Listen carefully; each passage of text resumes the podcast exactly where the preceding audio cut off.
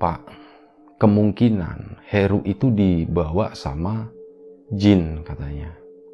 Dibawa sama makhluk gaib, makhluk halus.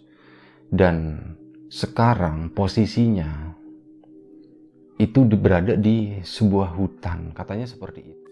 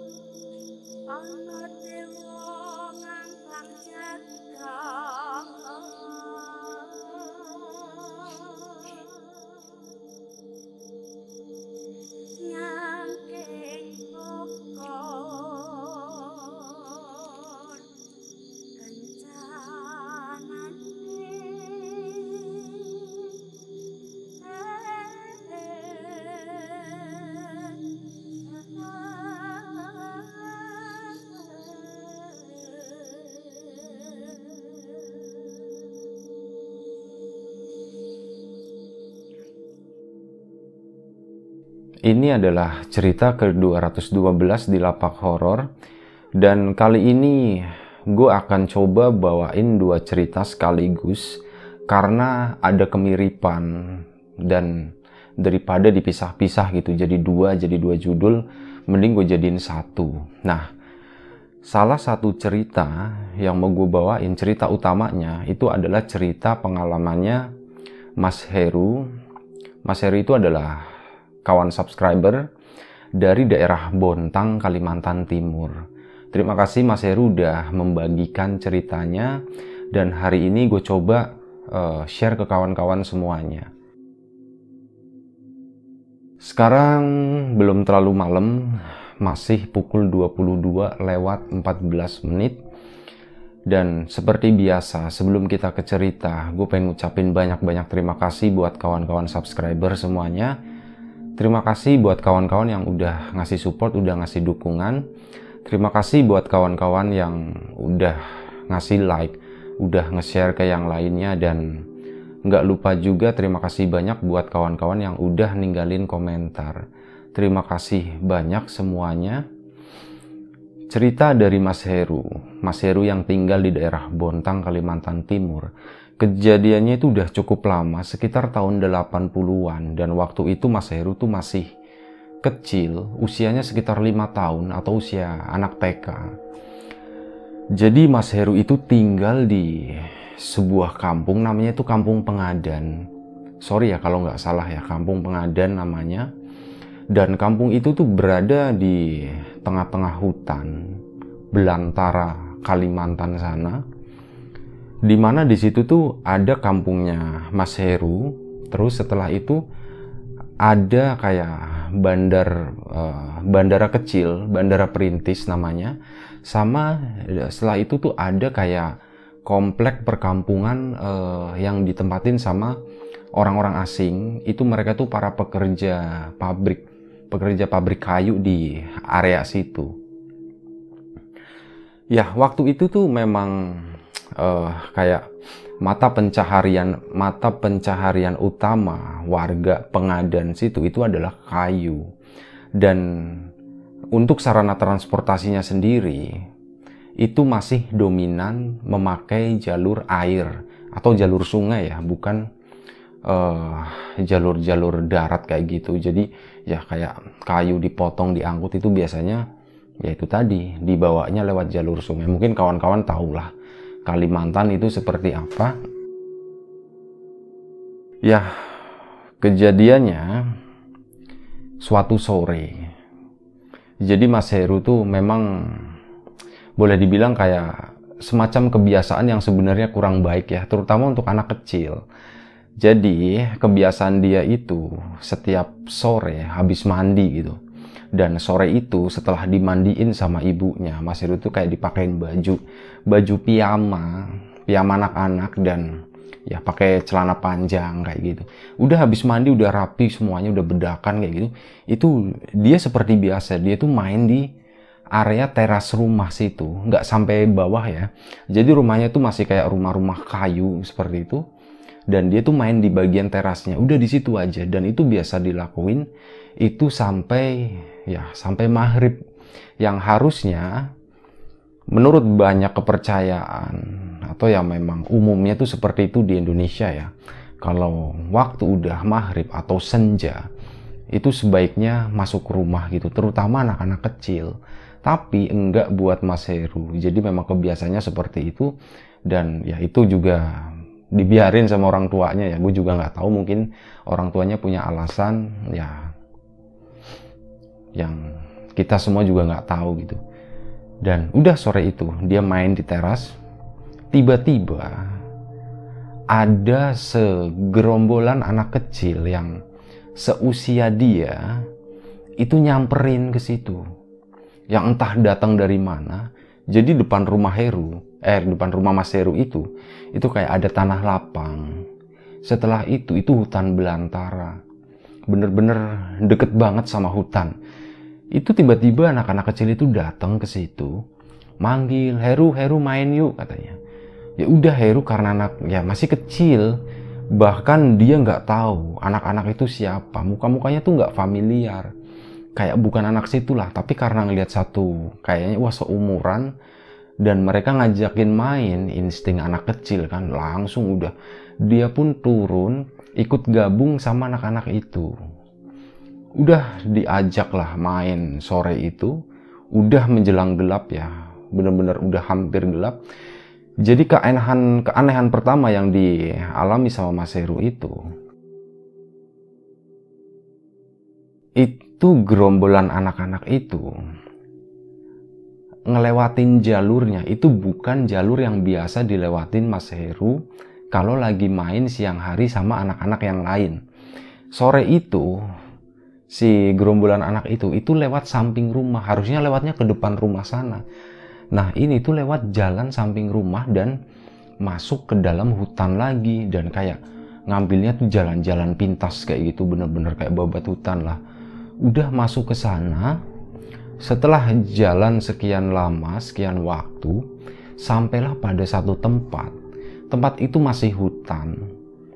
Tapi hutannya itu agak beda dengan hutan yang Mas Heru tahu selama ini, terutama kalau malam hari ya. Malam hari kan hutan pasti gelap banget. Nah, ini tuh beda. Di hutan itu, malam itu, itu katanya terang, terang banget kayak semacam ada pasar malam kayak gitu dan di sana itu rame kondisinya beda dengan hutan malam hari yang Mas Heru tahu itu beda banget itu benar-benar pemandangan yang menurut anak kecil ya itu adalah pemandangan yang sangat menyenangkan, sangat indah, banyak hiburan. Orang di sana baik-baik, termasuk teman-temannya itu, teman-teman anak kecilnya itu ngajakin Heru kecil itu ya main-main ke sana kemari ke sana kemari sampai akhirnya. Tapi nanti dulu, jangan lari ke sana dulu. Jadi, kita balik lagi ke rumah. Sore itu, Mas Heru itu dinyatakan hilang bapak sama ibunya itu nyariin. Nah, waktu itu bapaknya tuh pergi ke masjid ya, pas uh, maghrib itu, pas pulang-pulang, nanyain Bu Heru mana gitu. Biasanya Heru tuh, Mas Heru tuh masih main-main di teras itu kan, pas bapaknya pulang. Tapi malam itu nggak ada. Makanya nanyain Bu Heru mana? Loh Pak, biasanya kan masih di depan situ gitu. Pintunya, pintu rumah tetap dibuka ya. Kayak gitu tiba-tiba nggak ada. Akhirnya bapaknya ke sana kemari dicariin Heru mana? Termasuk ya abangnya kayak gitu. Jadi Mas Heru tuh punya adalah tiga bersaudara punya kakak satu sama adik satu. Mas Heru tuh di tengah-tengah. Ditanya kakaknya nggak tahu adiknya nggak tahu akhirnya bapaknya Mas Heru itu ke tanya-tanya ke tetangga. Kebetulan bapaknya Mas Heru itu adalah seorang pemangku atau kepala kampung kayak gitu kepala dusun kepala desa lah. Mungkin semacam itu ya. Nah uh, beliau ini tuh keliling kampung nanyain Heru mana? Ada yang lihat Heru enggak nah yang ditanyain tetangga-tetangganya semuanya nggak ada yang ngelihat wah bapaknya udah panik gitu kan. Ke mana ini anak gitu? Jangan-jangan hilang atau apa? Akhirnya dikumpulin lah. Seluruh warga mungkin karena bapaknya itu adalah seorang kepala dusun atau pemangku itu tadi ya gampang aja buat ngumpulin orang gitu kan. Akhirnya dikumpulin di depan rumahnya Mas Heru di situ yang ada sebidang tanah yang agak lapang kayak gitu. Dan dikasih tahu kalau Heru itu hilang. Jadi saya mohon uh, bantuan bapak-bapak sekalian buat ikut bantuin nyariin gitu. Soalnya dari tadi itu dia masih main di sini pas saya pulang. Biasanya masih di situ.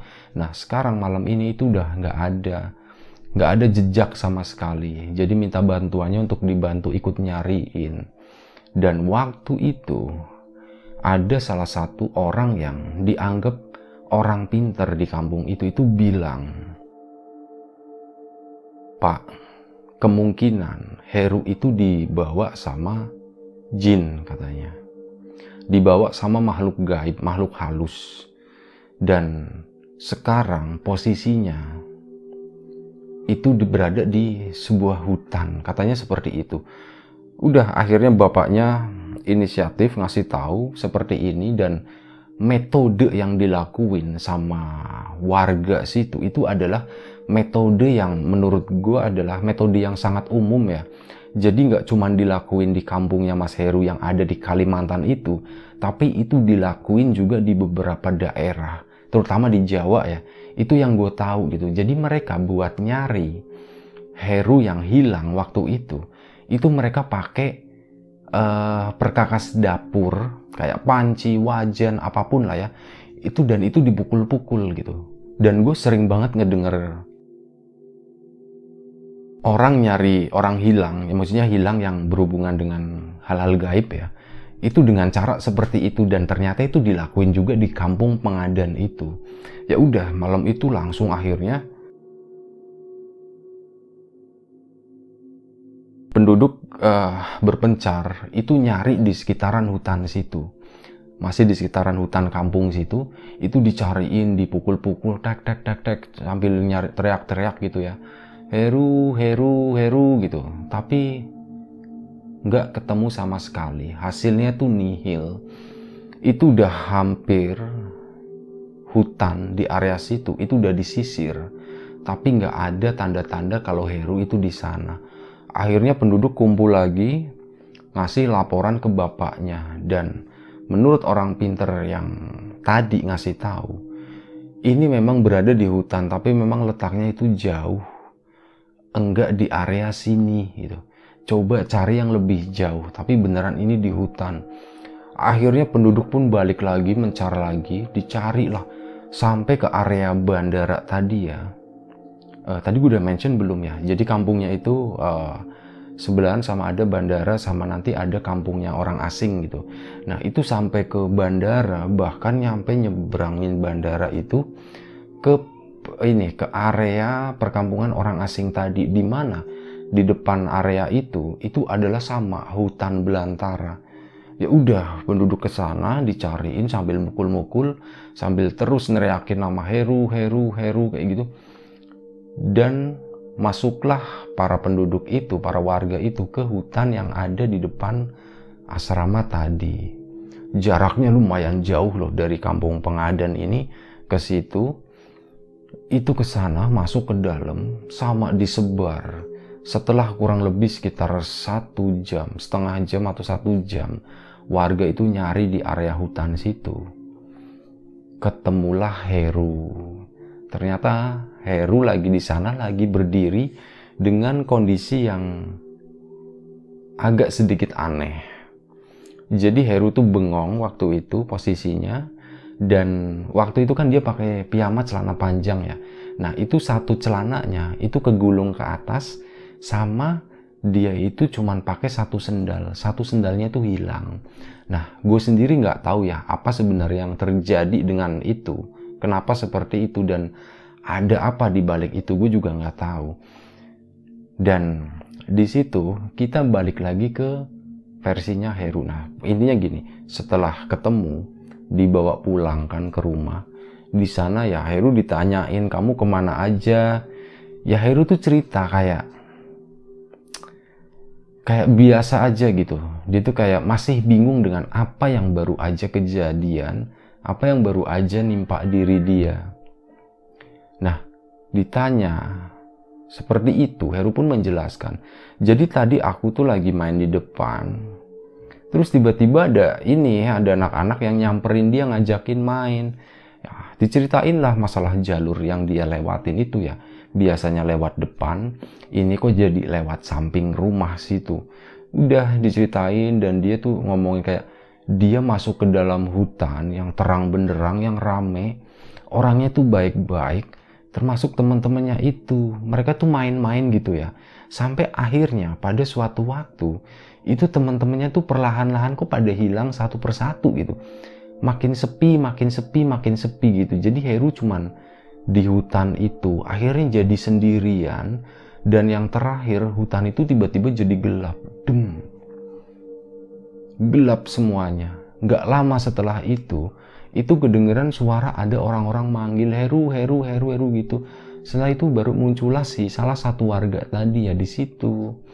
Nah kayak gitu kejadian menurut Heru itu seperti itu. Dia dia kayak dibawa kayak diculik kayak gitulah.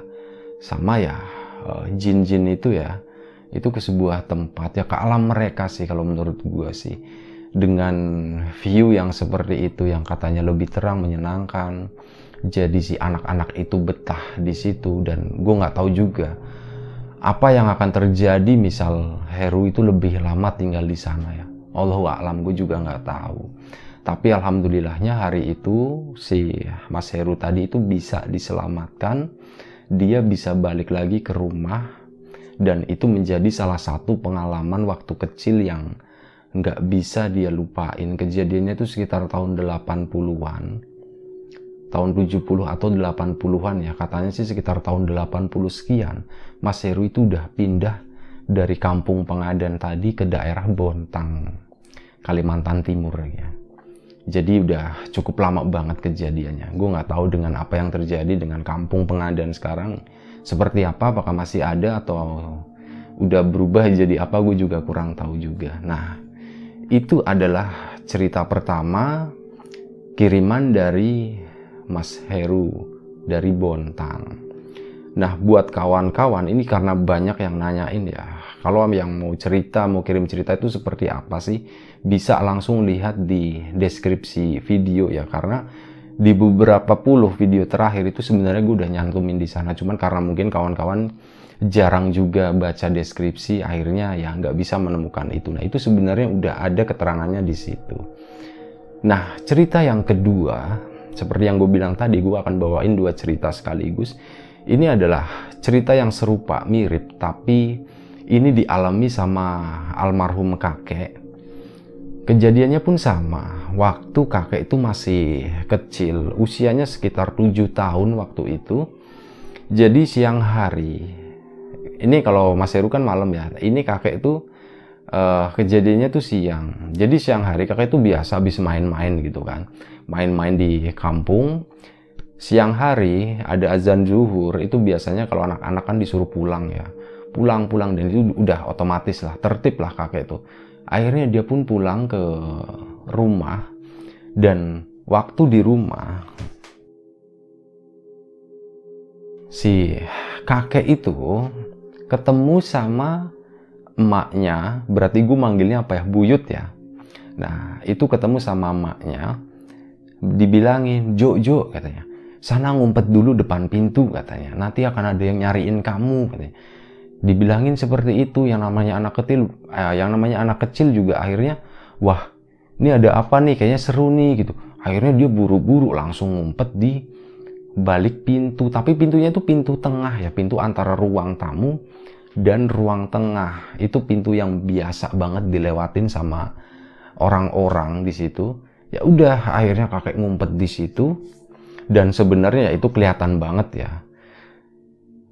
Sampai akhirnya beberapa waktu kemudian emaknya itu dari belakang. Ini dari depan ya tadi nah, emaknya tuh dari belakang keluar. Ngobrol sama bapaknya atau ya kakek buyut ya kalau gue manggilnya itu ngobrol e, pak si ini ke mana? gitu. Coba dong uh, cariin gitu. Kok belum pulang jam segini? Akhirnya udah si kakek kan bingung lah orang. Aku ngumpet di sini dan dari tadi uh, emak juga nyuruh aku ngumpet di sini kenapa sekarang disuruh nyariin? gitu. Wah jangan-jangan emak itu lagi ngerjain bapak katanya suruh nyariin padahal akunya ngumpet di sini. Nah si kakek mikirnya tuh seperti itu. Bapaknya tuh bener keluar kakek buyut ya itu bener keluar ke sana nyariin orang-orang sampai akhirnya. Itu ada beberapa uh, siapa kakek buyut udah pulang ke rumah. Kemudian ada beberapa tetangganya itu datang ke situ. Gimana pak? Udah ketemu? gitu. Belum gitu. Coba deh pak cari di sekitaran rumah dulu katanya ada yang menyarankan seperti itu. Akhirnya beneran dicari sama emaknya sama bapaknya. Dipanggil panggil lah namanya. Jo Jo gitu. Jo Jo. Namanya Sutarjo ya. Uh, biasa dipanggil Tarjo. Ya dipanggilnya Jo Jo Jo gitu. Jo di mana gitu? Kamu di mana? Ayo dong jangan ngumpet gitu. Nah kakek ngedenger kayak gitu itu dikiranya tuh suatu permainan nganggap itu tuh sebagai apa ya kayak peta kumpet kayak gitu. Jadi dipanggil panggil kayak gitu bukannya keluar dia tuh tetap berdiri di situ ngumpet. Benar-benar ngumpet di situ dan itu sebenarnya kelihatan banget orang jalan itu biasa buat ini ya mondar mandir orang. Pintunya tuh pintu yang dua begini ya. Nah pintu dua kan pintunya nggak terlalu lebar. Kalau dibuka begini itu yang ngumpet di sini masih kelihatan banget lah nah kayak gitu itu maknya mondar mandir di situ sama beberapa orang juga ikut nyariin di situ itu nggak ketemu ketemu sampai itu hari menjelang sore akhirnya warga dan uh, kakek buyut itu udah mulai curiga ini jangan-jangan ada yang ngumpetin si Tarjo ini nih katanya. Ada yang ngumpetin kakek ya. Akhirnya coba deh kita cariin bareng-bareng yuk. Tapi carinya pakai itu tadi ya. Seperti yang dilakuin waktu nyariin Mas Heru yang hilang di hutan. Pakai perabot dapur. Pakai panci, pakai wajan, pakai apa penggoreng, apalah pokoknya alat-alat yang bisa dipukul di situ.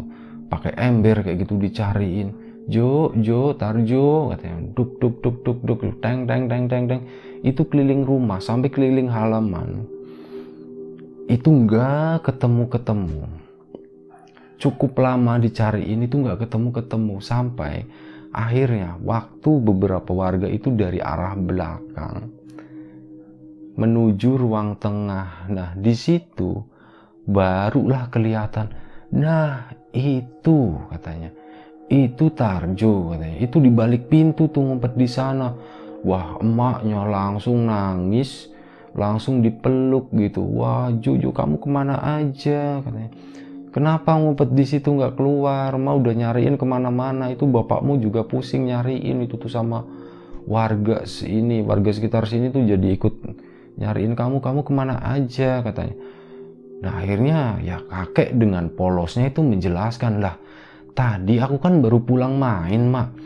Terus Mak nyuruh aku ngumpet di belakang pintu situ ya. Jadi aku ngumpet aja di situ katanya.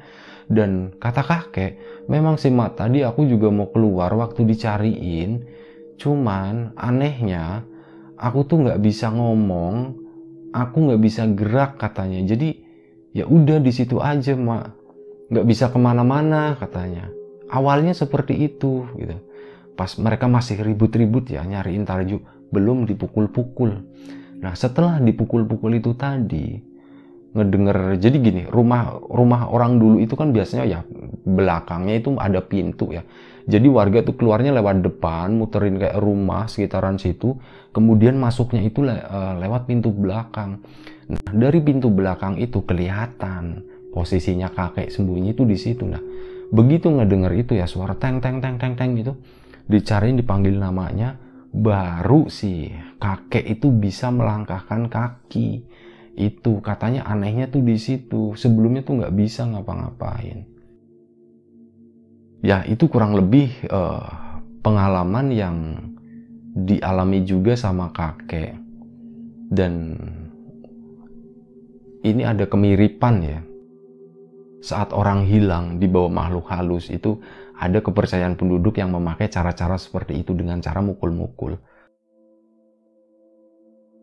Dan gue yakin hal ini tuh kawan-kawan juga pasti pernah ngedengar cerita-cerita lain yang serupa seperti ini kayak gitu. Jadi ya pokoknya apa pun itu kita ambil hikmahnya aja, kita ambil sisi positifnya dari cerita ini kita buang jauh-jauh uh, sisi negatifnya. Gue ngucapin banyak-banyak terima kasih buat kawan-kawan yang udah mau dengerin, udah mau nonton video ini. Ya jangan-jangan jangan bosen-bosen dengan lapak horor ya ya sebuah channel yang sebiah nggak terlalu besar, channel kecil, tapi tetap gitu kita mengutamakan kualitas cerita. Ya, gue udah berusaha semaksimal mungkin dan tujuan dari dibuatnya channel ini adalah sebagai kayak sarana silaturahmi sebenarnya gitu ya. Kalau untuk ada kawan-kawan yang baru datang ya kemarin ada beberapa baru datang terus petentang petendeng ya mohon maaf gitu ya mungkin tempat kalian bukan di sini gitu. Karena apa? E, gue sendiri bangun channel ini kayak ya buat nyari keluarga lah, buat nyari kawan, buat nyari saudara, bukan buat nyari musuh, bukan buat nerima orang yang petentang petenteng. Nah, gue mohon maaf kalau masih ada banyak kesalahan di sana sini, masih kurang nyaman ngebawain ceritanya ya mohon dimaafin. Sekali lagi terima kasih banyak buat kawan-kawan semua dan gue mengucapkan bela sungkawa dan atau berduka cita atas beberapa musibah yang menimpa negeri ini ya, baik di Kalimantan banjir maupun gempa yang di Sulawesi, jatuhnya pesawat Sriwijaya atau kemarin ada beberapa gugurnya saudara saudara-saudara kita ada enam orang ya. Ya apa pun itu gitu ya. Gue ikut berduka cita. Dan ada beberapa ulama juga yang ikut meninggal beberapa minggu ini beberapa bulan ini. Gue turut berduka cita semuanya. Semoga kita bisa mengambil hikmah dari setiap kejadian ini ya. Dan ya sekali lagi terima kasih banyak buat kawan-kawan semuanya. Jaga kesehatan kawan-kawan. Assalamualaikum warahmatullahi wabarakatuh.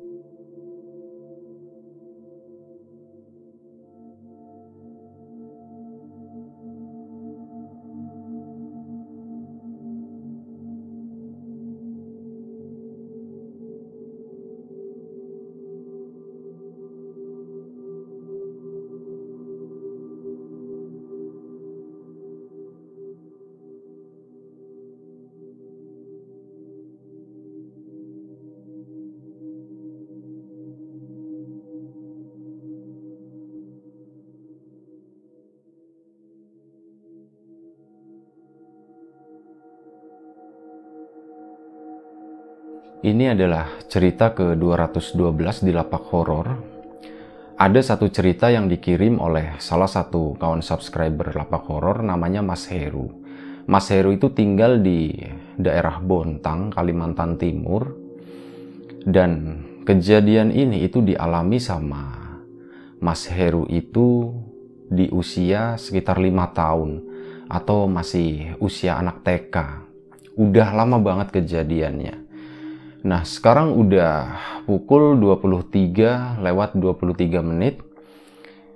Dan sebelum kita ke cerita, seperti biasa gue pengen ngucapin banyak-banyak terima kasih buat kawan-kawan subscriber semuanya. Terima kasih buat kawan-kawan yang udah ngasih support, udah ngasih dukungan.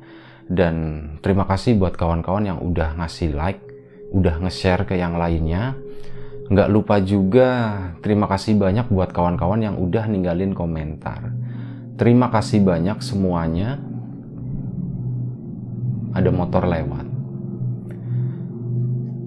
Nah, balik lagi ke cerita Mas Heru tadi. Mas Heru itu tinggal di waktu itu ya. Sekarang dia itu tinggal di daerah Bontang. Dulu waktu kecil itu Mas Heru dan keluarga tinggal di sebuah kampung namanya Kampung Pengadan. Mungkin kawan-kawan dari Kaltim tahu kali ya, pernah dengar atau apa gitu, atau mungkin ada tetangganya Mas Heru pas kecil. Nah, jadi waktu itu, Mas Heru kecil itu, itu ada satu kebiasaan. Waktu sore hari, menjelang maghrib, dia emang biasa itu main-main di depan rumah, di teras rumah dia main-mainnya tuh di masih di terasnya ya, belum turun ke tanah itu belum. Jadi rumahnya itu tuh dari kayu karena ya memang tinggal di hutan dan waktu itu komoditi utama dari warga situ itu adalah kayu. Dan sarana transportasi pun waktu itu yang dipakai itu masih uh, banyak memakai uh, ini ya apa sungai kayak gitu, aliran sungai, uh, jalur sungai kayak gitu. Jadi kayak jalan-jalannya mungkin belum dibangun ya. Entah sekarang sekarang gue juga nggak tahu ya. Di kampung itu udah di apa udah dibangun jalan atau masih pakai transportasi sungai gue juga kurang tahu juga. Tapi waktu itu itu kurang lebih seperti itu. Dan kampung Mas Heru itu benar-benar di tengah hutan di mana di situ itu ada sebuah bandara bandara kecil namanya bandara perintis. Sama setelah bandara itu itu ada perkampungan orang-orang asing. Itu mereka yang bekerja di pabrik kayu di area situ. Dan balik lagi ke kebiasaan Mas Heru waktu kecil dia itu suka main-main di depan rumah situ. Dan biasanya itu sampai maghrib dia itu masih main-main di situ ya dia pikir aman gitu. Mungkin orang tuanya juga berpikir aman lah kayak gitu karena mereka udah terbiasa ya hidup di hutan situ. Ibunya di dalam rumah sementara bapaknya itu pergi ke masjid. Dan bapaknya Mas Heru itu kebetulan seorang pemangku atau kayak semacam kepala desa kayak gitulah. Sorry uh, banyak motor uh, ini ya mondar mandir jadi agak keganggu konsentrasinya nah suatu hari si Mas Heru itu, Mas Heru kecil ya, dia sewaktu lagi main-main di depan rumah, depan rumah dia seperti biasanya, itu tiba-tiba dari arah depan, jadi rumahnya Mas Heru itu depannya ada semacam pelataran atau tanah lapang yang cukup luas. Setelah itu baru hutan belantara. Nah, dari arah hutan belantara depannya rumahnya Mas Heru itu, itu tiba-tiba muncul beberapa serombongan anak kecil yang datang ngedeket ke rumahnya Mas Heru tadi. Nah di situ anak-anak itu itu ngajakin main Mas Heru. Sementara Mas Heru sebenarnya eh, nggak uh, kenal dengan anak-anak itu tuh siapa, wajahnya itu asing. Tapi karena ngelihat oh ini anak sebaya nih seumuran gitu. Dan mereka tuh ngajakin main akhirnya Mas Heru pun ikut. Dia ikut ke apa ikut gabung sama anak-anak itu dan jalan gitu. Tapi di situ tuh sebenarnya ada sesuatu yang aneh yang nggak biasanya. Kalau biasanya Mas Heru mau ke mana-kemana itu ada jalannya sendiri gitu. Jalannya itu udah tahu oh harusnya ke sana nih kalau misal mau main. Tapi ini tuh pakai jalurnya agak aneh. Jadi ngambil uh, rutenya tuh rute samping rumah dan seingatnya Mas Heru, jalanan yang dilewatin itu itu adalah kayak semacam jalan-jalan pintas kayak gitu. Jadi benar-benar masuk ke dalam hutan, semak-semak kayak gitu. Dan tapi ya karena dia pikir dia main dengan anak-anak sebayanya ya meskipun hari udah gelap nggak ada ketakutan sama sekali intinya Mas Heru itu masih enjoy gitu main dengan serombongan anak-anak kecil tadi. Nah udah itu ya selesai dan hari itu sore itu Mas Heru itu dinyatakan hilang. Nah sebenarnya cerita dinyatakan hilang ini itu diketahui Mas Heru dari ibunya sewaktu Mas Heru udah ditemukan ceritanya seperti itu. Nah sore itu singkat cerita pokoknya Mas Heru itu hilang dan bapaknya waktu itu kan baru pulang dari masjid dia nyariin Heru mana? gitu. Loh kok Heru tadi kan biasa main di depan pak loh ini kok nggak ada? Coba cari-cari cari. Oh, akhirnya dicari gitu kan. Sama kakaknya ditanyain ini adik kamu ke mana? Oh ya Mas Heru itu tiga bersaudara punya kakak sama punya adik. Nah Mas Heru ini anak kedua. Nah ditanya kakaknya Heru mana? Heru mana? Nggak tahu pak katanya. Ya udah cari-cari. Nah akhirnya keluarga itu nyari ke tetangga nyariin Mas Heru tadi. Tetangga pun nggak ada yang tahu. Nggak ada yang lihat gitu akhirnya udah karena panik dan mungkin bapaknya itu udah yakin ya ini Heru itu hilang nih Heru hilang. Akhirnya warga itu semuanya dikumpulin. Mungkin karena bapaknya itu seorang kepala desa ya. Jadi ngumpulin seluruh warga. Maksudnya bukan gak seluruhnya sih. Banyak warga gitu yang dilibatin itu juga gampang. Berkumpullah mereka di halaman rumah situ. Diceritain sama bapaknya. Dikasih briefing gitu. Kalau Heru itu hilang. Jadi uh, saya minta bantuan bapak-bapak semua untuk nyariin anak saya Heru gitu. Dan kebetulan ternyata di sana uh, ada semacam tradisi yang mirip. Dan hal ini gue juga baru tahu ya.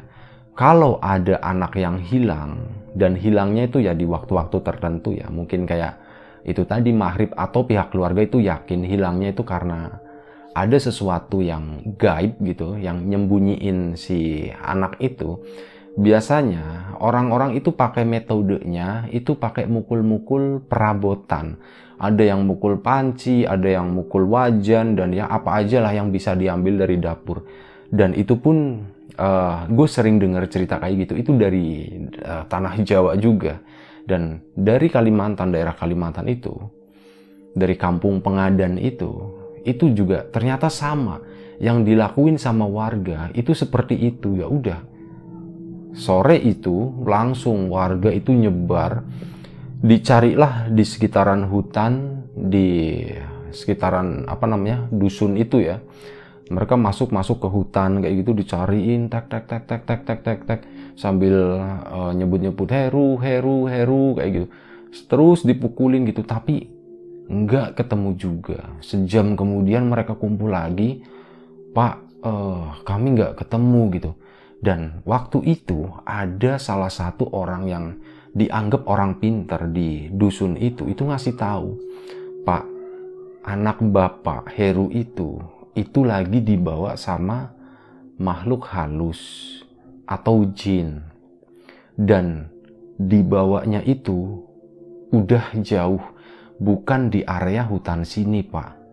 Dan hutan itu tuh sangat gelap. Pokoknya bukan daerah sini lah, agak jauh katanya Nah, ngedenger kayak gitu, akhirnya si bapaknya pun memutuskan, baik bapak-bapak sekalian, sekali lagi saya minta bantuan, kita perlebar lagi, kita perluas lagi area pencariannya.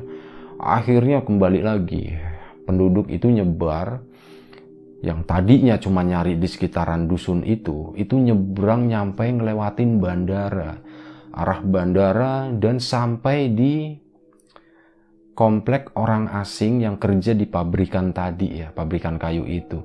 Nah, di situ dicarilah. Jadi di depan komplek yang orang asing itu, itu ada sebuah hutan, ya hutan belantara juga. Nah, penduduk itu mulai nyari di situ. Dicari, dipukul, taktek, taktek, heru, heru, heru, heru gitu. Dan sejam kemudian, tepatnya tengah malam waktu itu, akhirnya Heru itu ditemukan. Dan waktu ditemukan kondisinya agak sedikit aneh tapi sampai sekarang itu belum ada jawabannya. Jadi salah satu. Jadi sore itu Heru itu pakai baju piyama anak kecil uh, pakai celana panjang lengan panjang gitu.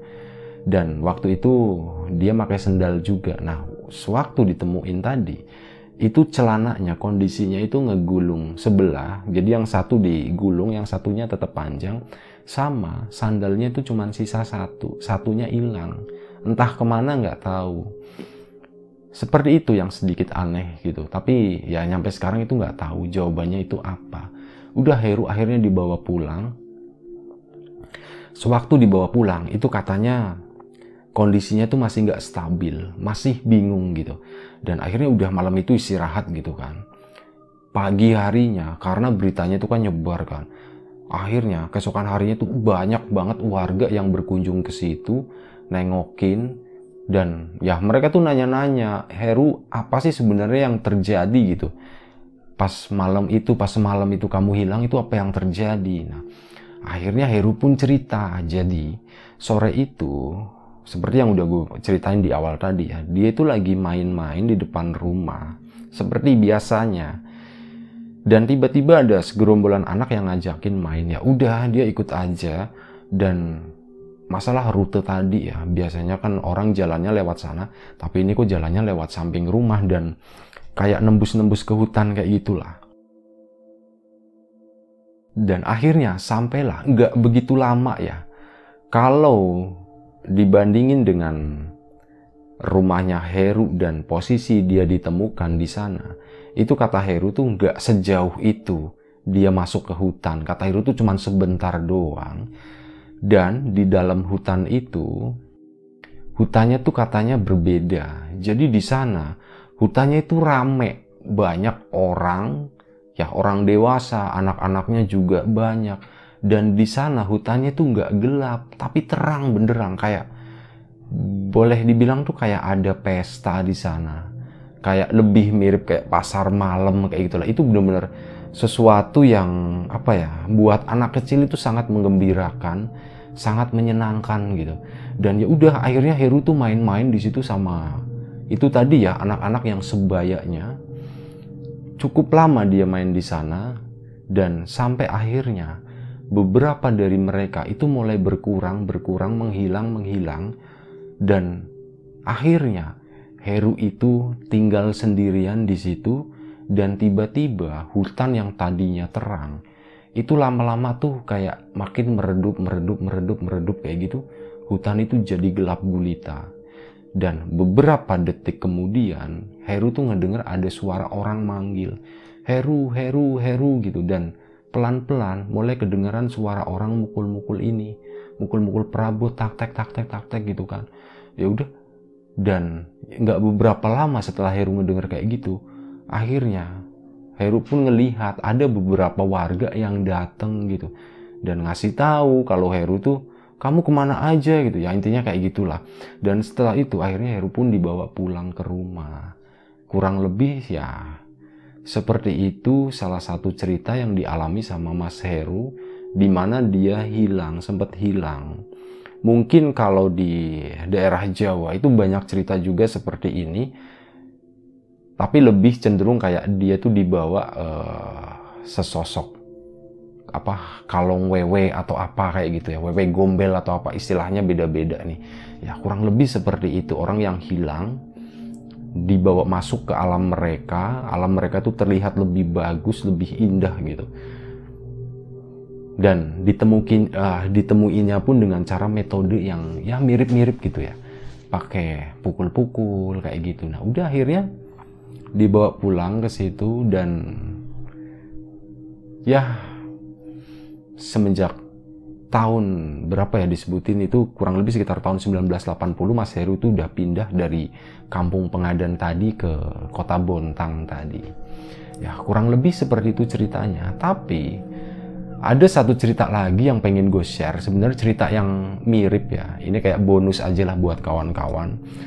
Cerita yang hampir sama, cerita yang serupa, tapi kejadiannya beda, lokasi, tempatnya, terus uh, ya kejadiannya sendiri itu juga berbeda dan kejadian ini itu dialami sama kakek sewaktu masih kecil jadi siang itu kakek itu lagi ada di dalam rumah dan tiba-tiba uh, apa ya nyebutnya ya emaknya emaknya itu datang atau buyut ya gue manggilnya ya emaknya tuh datang gitu.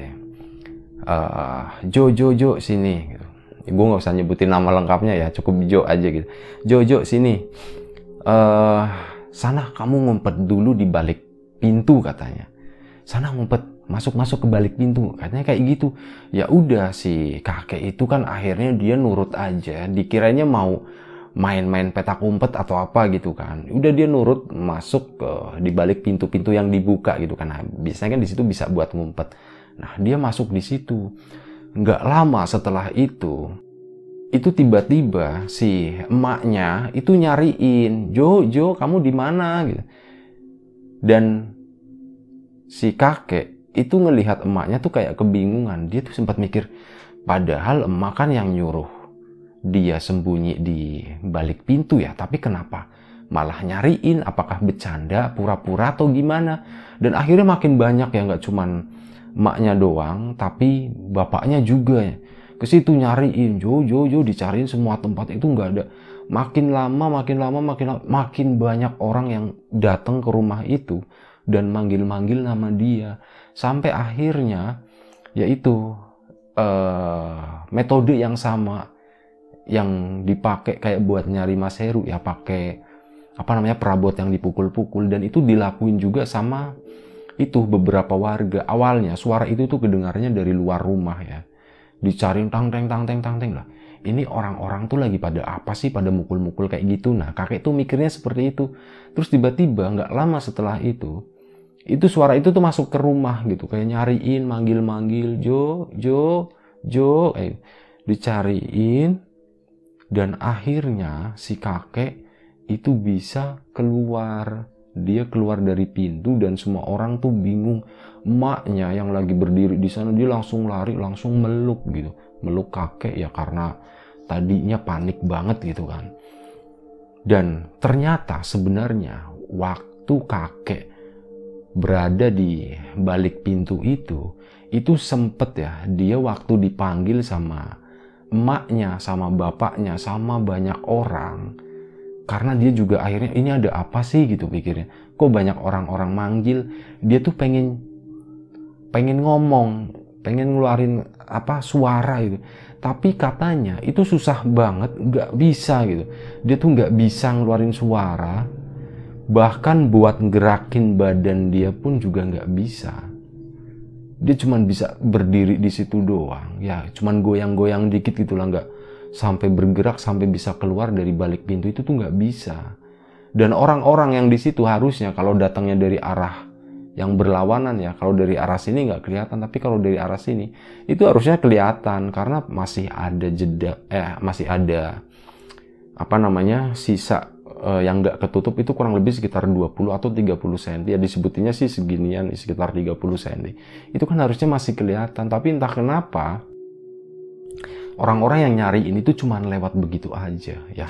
Kurang lebih seperti itu ceritanya tentang anak-anak atau pengalaman orang-orang yang pernah disembunyikan sama makhluk-makhluk seperti itu ya jin-jin jahat jin-jin iseng seperti itu kurang lebih seperti itu ceritanya hari ini gue mohon maaf misal ada sesuatu yang gak menyenangkan ada sesuatu yang gak nyaman di kawan-kawan semua mohon dimaafkan ya kita ambil uh, sisi positifnya dari cerita ini dan kita buang jauh-jauh yang negatifnya. Sekali lagi terima kasih uh, buat kawan-kawan yang udah menonton, udah mau dengerin cerita-cerita di lapak horor. Jaga kesehatan kawan-kawan semuanya. Assalamualaikum warahmatullahi wabarakatuh.